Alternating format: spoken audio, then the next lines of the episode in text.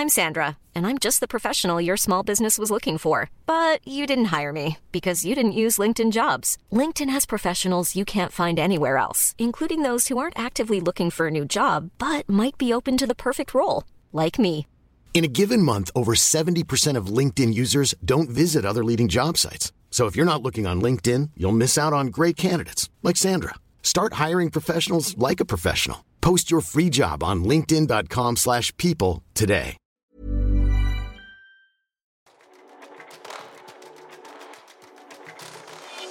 Hei og velkommen til Teknologitrender, serien som tar et entusiastisk, men også et kritisk blikk på hvordan teknologi og digitalisering endrer og påvirker våre liv og næringsliv.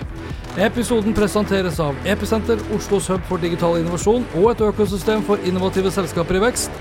Gå inn på episenteroslo.com og bli medlem du også. Del to av påskekrimmen TikTok-drapet på Tempelseter. Kapittel seks. Sporene samles.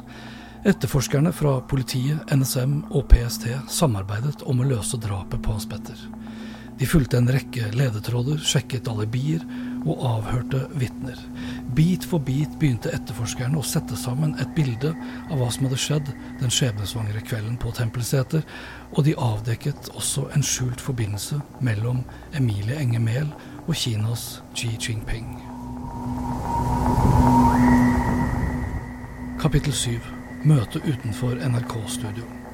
Det hele startet da Hans Petter og Emilie Enger Mehl hadde møtt hverandre utenfor NRK-studio for en tid tilbake. De skulle begge delta i hvert sitt innslag på Dagsnytt 18, og etter at Hans Petter hadde spurt om å ta en selfie med justisministeren, hadde hun begynt å følge hans YouTube-kanal og hans kritiske kommentarer om Kina, TikTok og henne selv. Hun lot seg irritere av hans stadige angrep og kritikk, men det skulle vise seg at situasjonen skulle eskalere langt utover hva hun kunne ha forestilt seg. Kapittel 8 kompromitterende innhold og politisk press. Xi Jinping hadde fått tak i komplementerende innhold fra Mehls TikTok-konto, og benyttet dette som pressmiddel for å fremme Kinas interesser.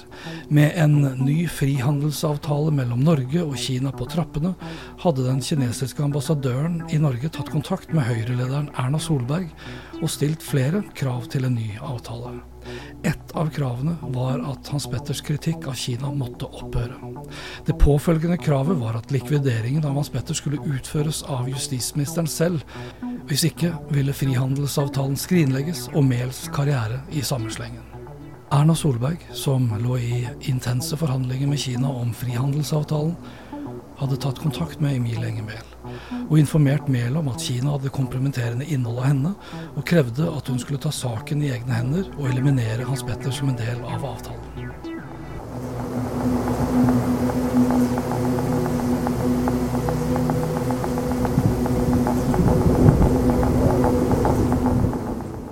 Kapittel 9 mordet og de skjulte motivene. Mehl så ingen annen utvei og bestemte seg for å utføre den grusomme handlingen. Hun planla mordet nøye og ventet på det perfekte øyeblikket til å slå til. Hun visste at hun skulle begå en grusom forbrytelse, men det var ingen vei tilbake. Kina og deres krav hadde satt henne i et jerngrep, og hun måtte ofre Hans Petter for å redde sin egen politiske karriere og sikre en økonomisk vekst for Norge. Etterforskningen fortsatte, og hvert sitt spor etterlot et mørkere og mer komplisert bilde av saken. Spenningen bygde seg opp blant politiet, NSM og PST, som jobbet utrettelig for å avdekke sannheten bak det brutale mordet på Hans Petter og de skjulte motivene som lå bak. Til slutt fant de den avgjørende ledetråden som pekte direkte mot Emilie Enger Mehl. Overvåkningsbilder, tekniske bevis og vitneutsagn sammenfalt. Det som først hadde virket som en umulig sak, var nå i ferd med å bli løst. Bevisene avslørte den uhyggelige sannheten om hvordan Erna Solberg og Kina hadde tvunget Mehl til å utføre drapet på Hans Petter.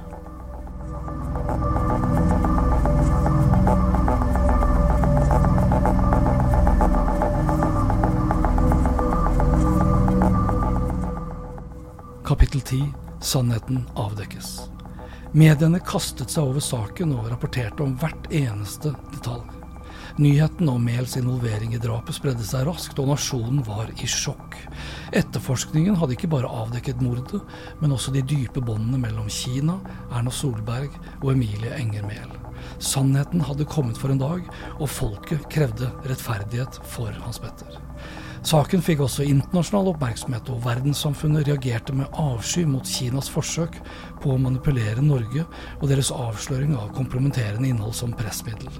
Kina ble satt i fryseboksen av et samlet verdenssamfunn som ikke lenger ville tolerere hvordan landet satt personvern og menneskerettigheter til side for egen makt og økonomisk vekst.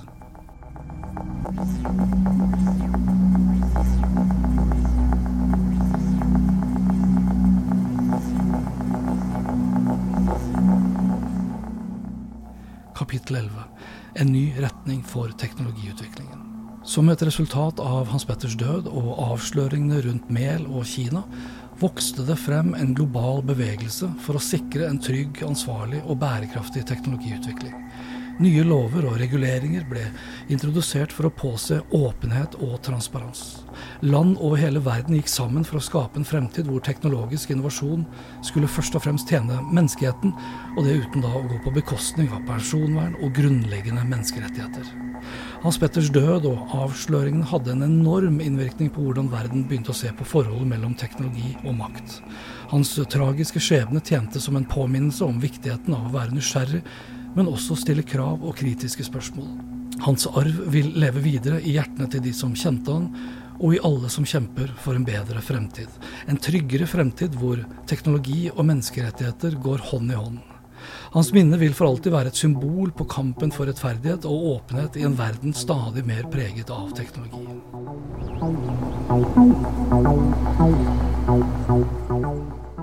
Epilog Ståle Lindblads triumf. Ståle Lindblad, kommentatoren fra Medier24 som først var en av de mistenkte i drapet på Hans Petter, endte opp med å motta Scoop-prisen for sin omfattende journalistikk i dekningen av TikTok-drapet på Tempelseter. Ståles grundige undersøkelser og dypdykk i saken hadde bidratt til å kaste lys over den mørke og komplekse verden av makt, teknologi og intriger. Hans journalistiske arbeid hadde ikke bare vært med på å avsløre sannheten bak drapet, men også satt søkelys på viktige etiske og samfunnsmessige spørsmål knyttet til teknologi og personvern. Ståle Lindblads arbeid ble hyllet både nasjonalt og internasjonalt, og hans dekning av TikTok-drapet tjente som et eksempel på hvordan gravejournalistikk kan bidra til å påvirke og endre samfunnet til det bedre.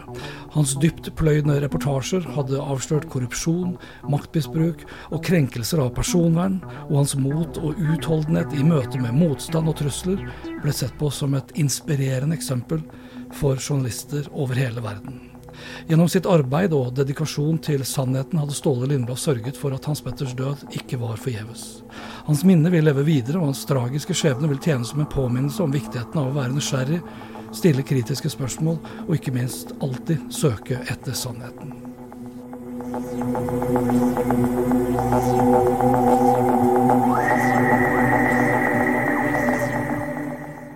Rent avslutningsvis, tusen takk til OpenAI og ChatGPT 4.0 for hjelpen. Mens jeg skrev den innledende prompten og gjorde diverse justeringer underveis, bl.a. for eh, dramaturgiske grep, så er i prinsippet hele påskekrimmen skrevet av kunstig intelligens.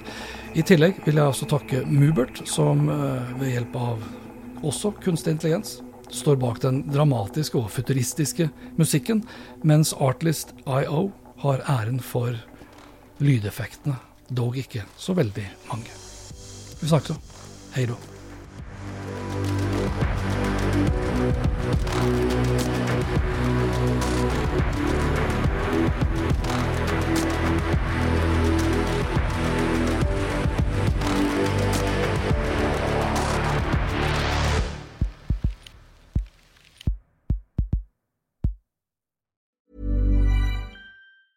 Hey, it's Danny Pellegrino from Everything Iconic. Ready to upgrade your style game without blowing your budget? Check out Quince. They've got all the good stuff shirts and polos, activewear, and fine leather goods, all at 50 to 80% less than other high end brands. And the best part? They're all about safe, ethical, and responsible manufacturing. Get that luxury vibe without the luxury price tag. Hit up quince.com slash upgrade for free shipping and 365 day returns on your next order. That's quince.com slash upgrade.